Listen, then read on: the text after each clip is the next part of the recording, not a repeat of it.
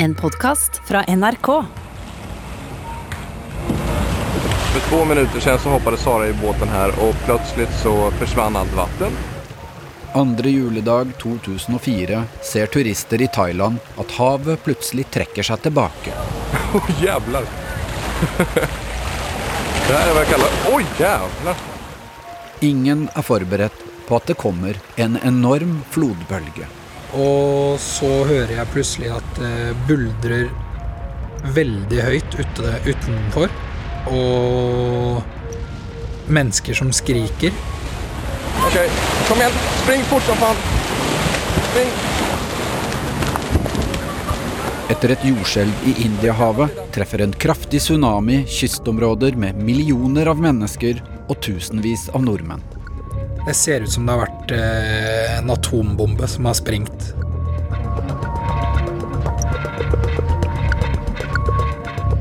Du hører på hele historien om tsunamien av Hege Haug Omre. Del én av fire katastrofen på Phi Island.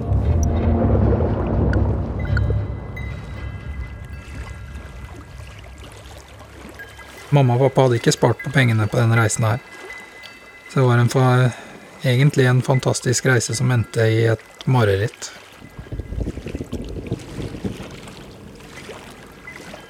Patrick Hjemgård kommer fra fastlandet i Thailand med båt ut til Pipiøyene. Sammen med moren og faren planlegger 14-åringen å feire julaften og bli på øya fram til morgenkvisten andre juledag. Han er en av ca. 7000 nordmenn som befinner seg i Thailand jula 2004. Wow, det her er jo et skikkelig paradis.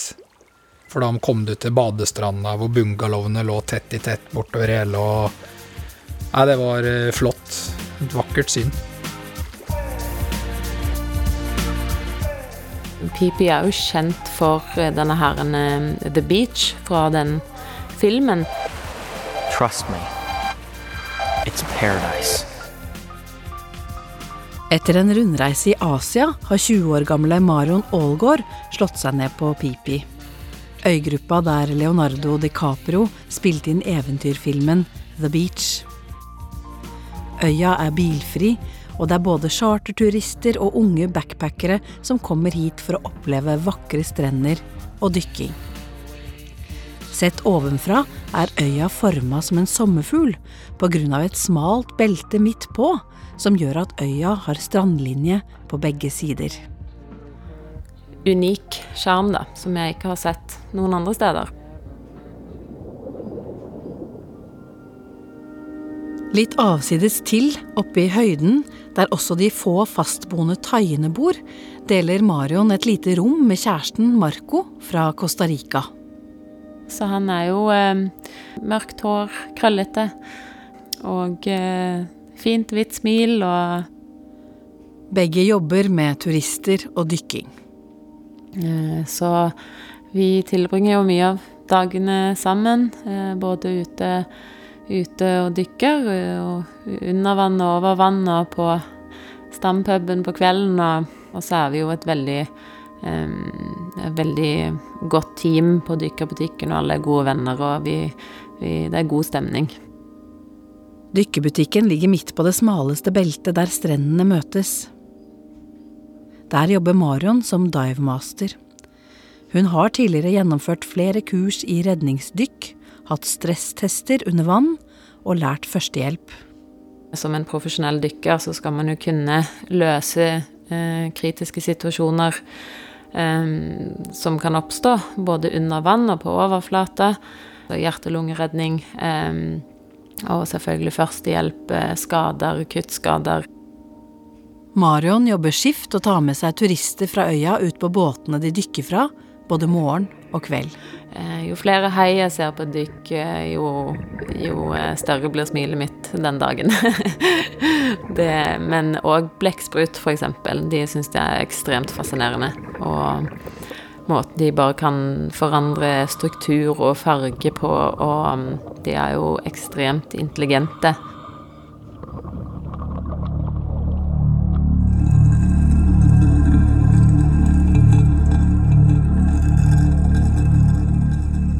Lengre sørover, ut under Det indiske hav, ligger to jordskorpeplater og flyter. Den tynne Indiaplaten ligger bøyd under Burmaplaten og skaper voldsomme spenninger. Slik har platene ligget og drevet i press mot hverandre i over 20 millioner år.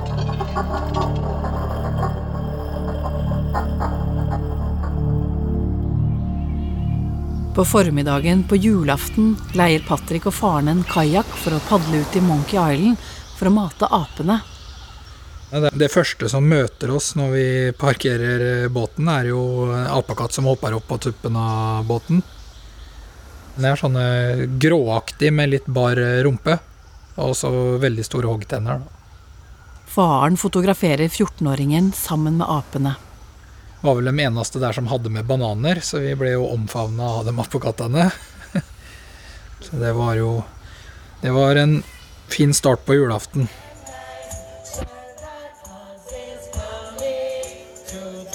På kvelden feirer Patrick jul med show og buffé på stranda. Jeg, mamma og pappa hadde kjøpt oss eh, nisselue med blinkende lys på. Pappa ble sur, for han eh, ville veldig gjerne ha ribbe. Og hver gang han kom fram til ribba, så var det tomt. Og til slutt så fikk mamma ordna sånn at kokken kom personlig og serverte ribbetallerken til pappa på stranda. Marion er også på den samme stranda og feirer julekvelden og fester videre inn i natta sammen med venner og arbeidskolleger fra hele verden. Og det kommer en eh, julenisse iført eh, ja, julenissedrakt på en longtailbåt inn på stranda.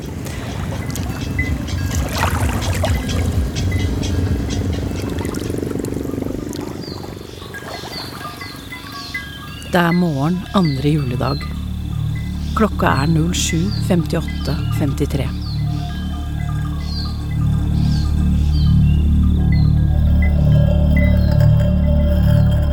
Plutselig skjer det noe 30 km under havbunnen. De to jordskorpeplatene, Burmaplaten og Indiaplaten, krasjer. Indiaplaten glipper og spretter opp. Kollisjonen utløser et gigantisk undersjøisk jordskjelv vest for Sumatra i Indonesia. Havbunnen revner og sprekker. Milliarder av tonn med vann brer seg utover Indiahavet, og sjokkbølgene setter full fart mot Thailand.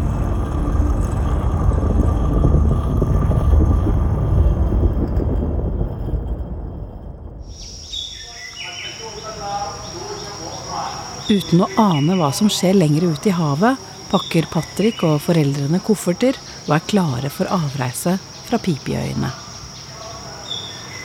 Vi spiser frokost, går eh, samlet hjem til bungalowen. Om ca. to og en halv time vil bølgene treffe Pipiøyene med voldsom kraft. Hvor eh, mamma og pappa sier at de skal gå seg en tur og sjekke ut i resepsjonen på hotellet. På den andre siden av kloden, noen få minutter etter jordskorpeplatene krasjer, går alarmen på tsunamivarslingssenteret på Hawaii. Det er seismiske signaler som varsler om jordskjelv. Geologen Barry Heeshorn er på vakt, men har akkurat lagt seg nedpå litt, forteller han i dokumentaren The Wave That Shook the World. I was on the verge of falling asleep when my pager went. Det er plassert ut seks måleinstrumenter i Stillehavet. Alarmen utløses dersom det er skjelv på over seks på Richters skala. I looked at the pager very briefly. I could tell from the message that I was dealing with something probably larger than a six. Seismogrammet varsler at det er et betydelig jordskjelv. I then estimated the magnitude at a magnitude 8. Our response was, wow, that's a fairly large event. Til tross for at jordskjelvet måler åtte på Richters skala, så har han for lite informasjon til å si om jordskjelvet utløser en tsunami. Etter 15 minutter sender senteret ut en knapp pressemelding hvor det står at det ikke er fare for tsunami. Ute på havet kan fiskerne merke noen små krusninger. Men under overflaten har vannmassene fått enorme krefter. Bølgene brer seg og har en fart på 700-800 km i timen mot Thailand. With no warning center, no contacts, uh, we started thinking about what we could do. làm thế nào để lấy được cái bây giờ? Tôi mình na rạc Patrick slapper av foran TV-en i bungalowen før han skal ta ferja tilbake fra Pipi. Og har trukket forbi de sånne blygardiner da, for å skydde mot sola. Det var vel bare litt svosjing gjennom TV, for det var mye dubbing og mye rare språk. Hadde han sett ut, hadde han sett at havet trekker seg langt tilbake. Slik det svenske paret som skal ut i en longtailbåt, fanger på kamera. För två minuter sedan så hoppade Sara i båten här och plötsligt så försvann allt vatten. Longtailbåten står plutselig på land, og den svenske damen plukker opp en levende fisk som ligger og spreller i den våte sanden. I den mørke bungalowen venter Patrick på foreldrene. Jeg har på meg en eh, piratbukse. Jeg har på meg helt nye joggesko som jeg hadde kjøpt der nede, og sokker. eh, en T-skjorte og et eh, smykke med en haitann. Nede ved stranden fortsetter svensken å filme. Havet kommer brått tilbake igjen, og båtene ligger igjen på vannet. Det er är helt sjukt. Men det er kul. Åh jävlar. Det här är vad jag kallar... Oj jävlar. Vannet fortsetter å fosse og stige. Ok, kom igjen. Spring fort som faen. Spring. Spring til andra sidan. Plutselig kjenner at uh, senga beveger på seg. Titter jeg da ned på gulvet og ser at bungalowen er Det er vann på hele gulvet i bungalowen. Jeg blir først litt redd. Patrick samler sammen telefoner og kameraer, sånn at ikke det skal bli vått, og setter seg på sengekanten. Men jeg tør egentlig ikke se ut. Og så hører jeg plutselig at det buldrer veldig høyt ute, utenfor. Og mennesker som skriker. Det må vel være noen elefanter eller som er løpsk eller noe.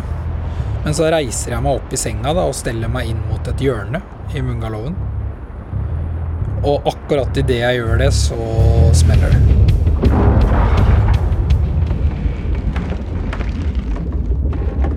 Og da knuses bungalowen rundt meg.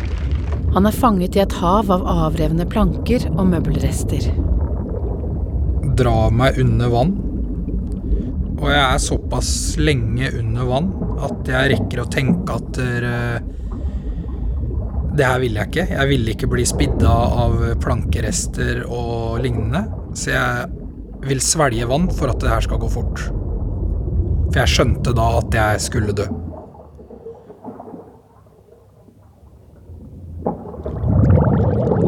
Og idet jeg gjør det, så har jeg satt meg fast over vann i T-skjortekragen. Og da drar jeg inn luft istedenfor vann. Eh, når jeg kommer opp av vannet der og får rivd av meg den T-skjorta, da er jeg naken. Da har jeg ikke et klesplagg på meg. Alt er dratt av. Idet jeg prøver å svømme forbi eh, for å komme meg til et sikkert sted, så ser jeg et barn i vannet. Jeg tar tak i det barnet og bare holder det i hånda. Men så kommer det en eh, strømning i vannet som gjør at jeg mister det barnet.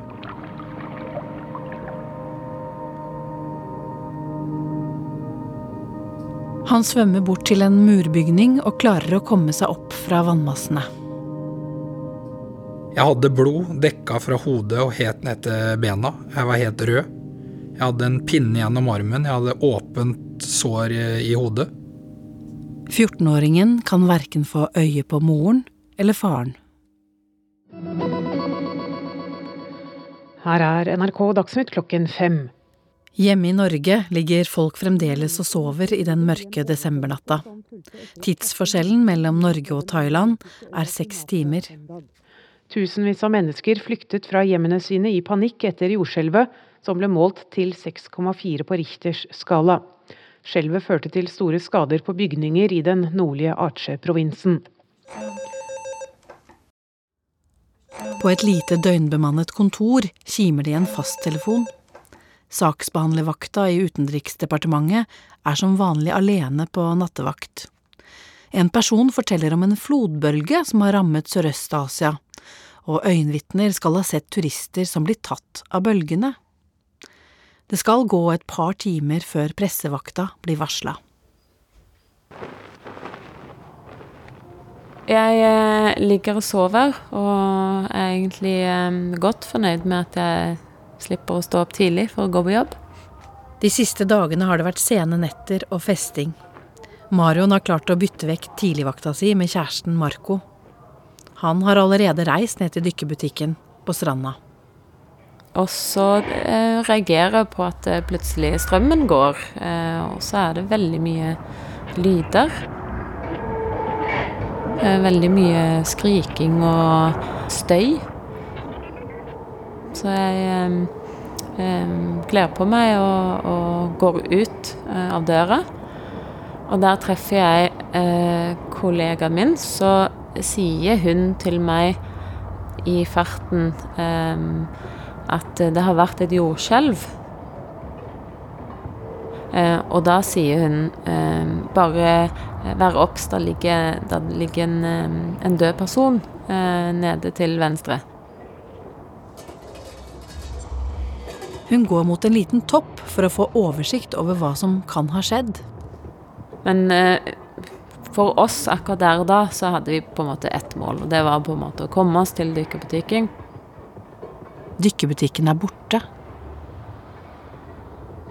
Nede, der stranden har vært, er det bare et hav av materialer som flyter i grumsete vann. Jeg hører eh, skrik eh, fra eh, ulike steder. Jeg ser en person som sitter et stykke oppi ei palme. Midt i all panikken som brer seg, blir 20-åringen med flere andre folk som leter etter overlevende. Jeg snur meg mot en, en, en mann litt lenger oppi eh, en bakke. Og så roper jeg til han at han må komme og hjelpe oss. Og han, han er eh, svær. Han er sikkert brukt eh, de fleste timene i døgnet på treningsstudio. Eh, men han står bare og Han står, han, han er helt paralysert.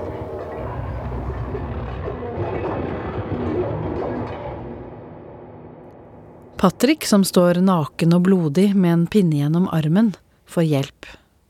Eh, den pinnen ble bare dratt ut og knøtet over av en som sto der. Og de bare kasta et hvitt sjal over meg, og så Mens jeg sto der litt, så så jeg faktisk på at en liten gutt ble redda med livredning. Han hadde svelga vann og var bevisstløs, og kom faktisk til live igjen. Han krabber bort til et hotell som har blitt stående etter de kraftige bølgene. Jeg begynner å hyperventilere. Eh, det er en svensk familie som kommer fram til meg og spør om de kan hjelpe meg. Eh, det første jeg da spør dem om, er eh, om jeg kan låne en telefon. Da fikk jeg ringt hjem til min bror og sa det hadde vært et jordskjelv, og det har vært bølger, og jeg finner ikke mamma og pappa. Og jeg bestemmer meg veldig fort for at uh, pappa har klart seg. Det er mamma jeg må finne. Jeg roper jo mest på mamma, da. På Hanne Hjemgård roper jeg. Så kommer jeg bort til vinduet og skriker en gang til 'Hanne Hjemgård'. Og da ser jeg mamma på taket Et lavere tak litt lengre bort. og da setter jeg meg ned og begynner å gråte litt.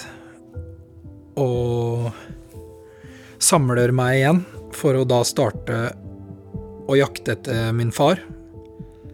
Og mens jeg står og roper navnet etter min far, så kommer mamma inn opp trappa og opp i korridoren hvor jeg er.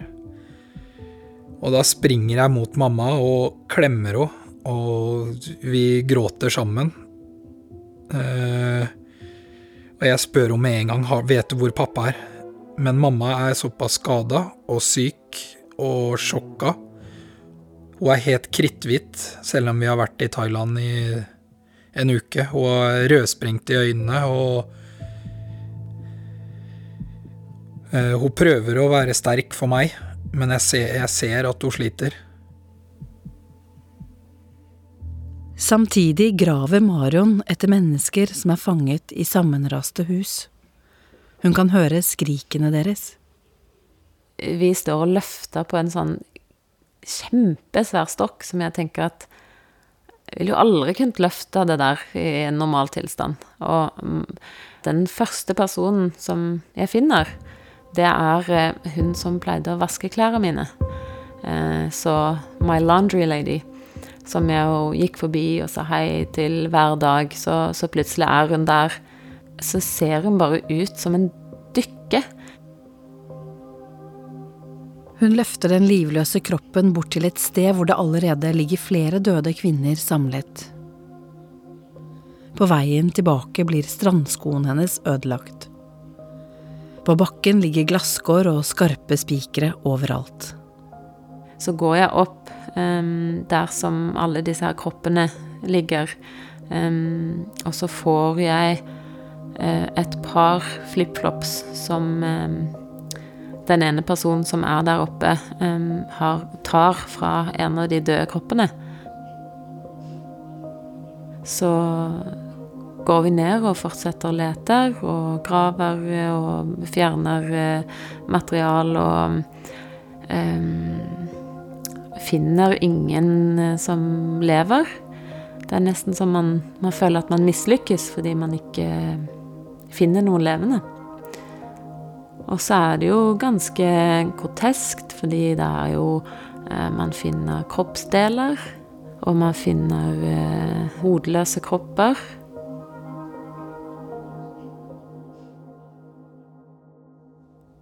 Det har blitt morgen hjemme i Norge. Mediene melder om at minst ti mennesker er døde og 200 skadd etter tsunamien i Thailand, men det er ikke kjent om det er nordmenn blant disse. Et øyenvitne, Kjell Bratli Ødegård, er med direkte på en telefon fra en passasjerbåt. Jeg kan se bort på en øy som heter Pippi, Pippi Island. Der eh, har folk klatra opp og er i sikkerhet, men eh, en kan ennå ikke dra inn for å redde dem. Og akkurat nå så venter vi faktisk på den eh, neste bølgen som skal komme. Ryktene om en ny bølge når Maron, og hun flykter oppover på øya igjen. På veien henter hun ut førstehjelpsutstyr fra rommet der hun bor. Så er det en, en, en liten jente, kanskje ti år, eh, som ligger på, på bakken. Eh, og så er det en, kanskje faren, som ligger over henne og gir henne hjertekompresjoner. Altså, men hun er bevisst. Og har nok mest sannsynlig et brukket ribbein. Kasta meg over og bare nei, nei, du kan ikke gjøre det. Og så legger jeg henne i stabilt sideleie, og så Og han mannen som var der, han var jo tei og sa tusen takk, tusen takk, og Oppe i høyden treffer hun på flere skadde som har samlet seg. Og det er en som har et sånn stort eh, kutt, sår over kneet, langt inntil muskelen. Altså det, det, ser veldig, veldig eh, Det ser ikke noe fint ut, men eh, prøver å rense litt og prøver å Eh, legge litt eh, Legge noe over, bandasjere. Mm, brukte litt klær og altså Men sant, vi, vi, har jo ikke så veldig mye å rutte med. Og eh, ja Spjæle et bein med noen pinner og en brukket fot og litt forskjellig. Sola steker fra skyfri himmel. Så da eh, drar jeg ned eh, sammen med et par andre og rett og slett raider de butikkene. Uh, tar med oss det vi kan av uh, Snickers og vann og cola og rask energi. Alt som man kan bruke til bandasje eller rense sår med, eller ja. Hjemme i Norge jobber Utenriksdepartementet med å skaffe oversikt over hva som har skjedd. Det vi vet, er jo at dette er en veldig populær, eh, populær eh, destinasjon for nordmenn å reise på ferie. Eh, så det er nok eh, mange nordmenn i området, men hvor mange som er berørt av dette, er altfor tidlig å si ennå. På hotellet på Pipi får unge Patrick vite at eh, noen tror at de har funnet faren hans. En skandinavisk mann som savner kona og tenåringssønnen sin, er på vei. Blond med blå øyer og muskuløs. Han passa veldig godt til beskrivelsen jeg hadde gitt videre om pappa. Og når uh, han kom inn på rommet, så ble vi vel like skuffa begge to. For det var ikke dem vi lette etter. Sammen med moren og den fremmede mannen kommer de seg øverst på takterrassen på hotellet.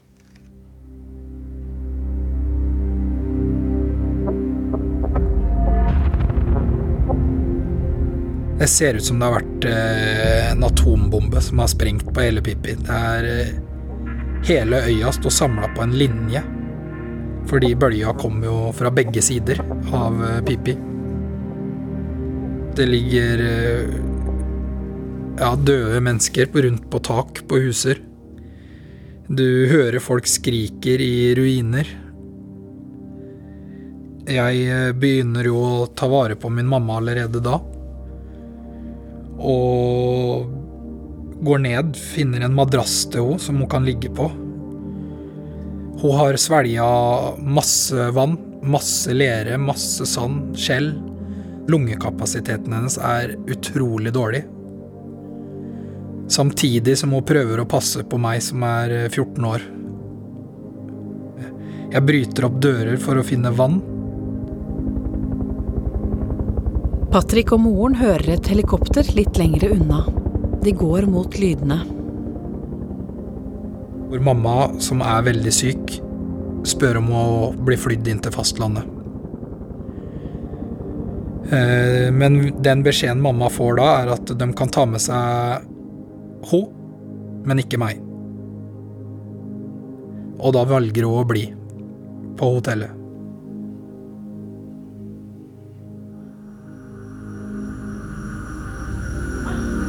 På et høydedrag slår Maron leir for natta. Uten Marco og flere av vennene hun har fått på dykkebutikken. Så skjønner man jo det at det, det er jo ikke, det er jo ikke veldig stor sannsynlighet for at noen har overlevd der nede. Det begynte vel å gå litt opp for oss at, eh, at vi gjerne hadde mista, mista de to, da.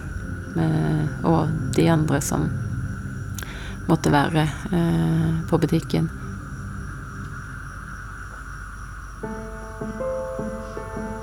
Men så får hun en helt utrolig beskjed. Marco og dykkerkameraten er i live. Jeg får det ikke til å stemme. Jeg forstår ingenting. Jeg bare hvorfor Nå skjønner jeg ingenting. Marion tror ikke det er sant, før begge plutselig dukker opp i nattemørket. De har noen skrammer og, eh, og sår, eh, men, men, begge lever. Hjemme i Norge piper det i moren til Marions mobil. Det sto vel bare at eh, både jeg og Marco er i live, eh, men eh, det har vært en helvetes dag.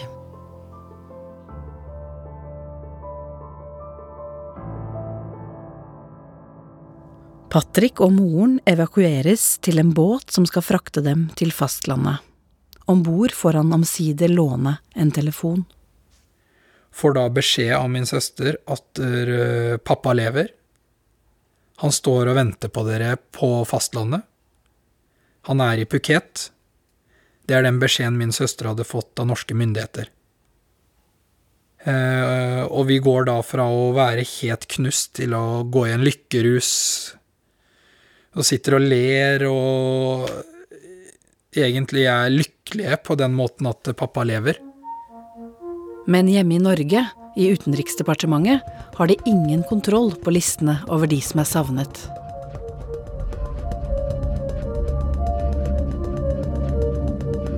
Du har hørt første del av dokumentarserien om tsunamien i 2004 av Hege Haug Omre.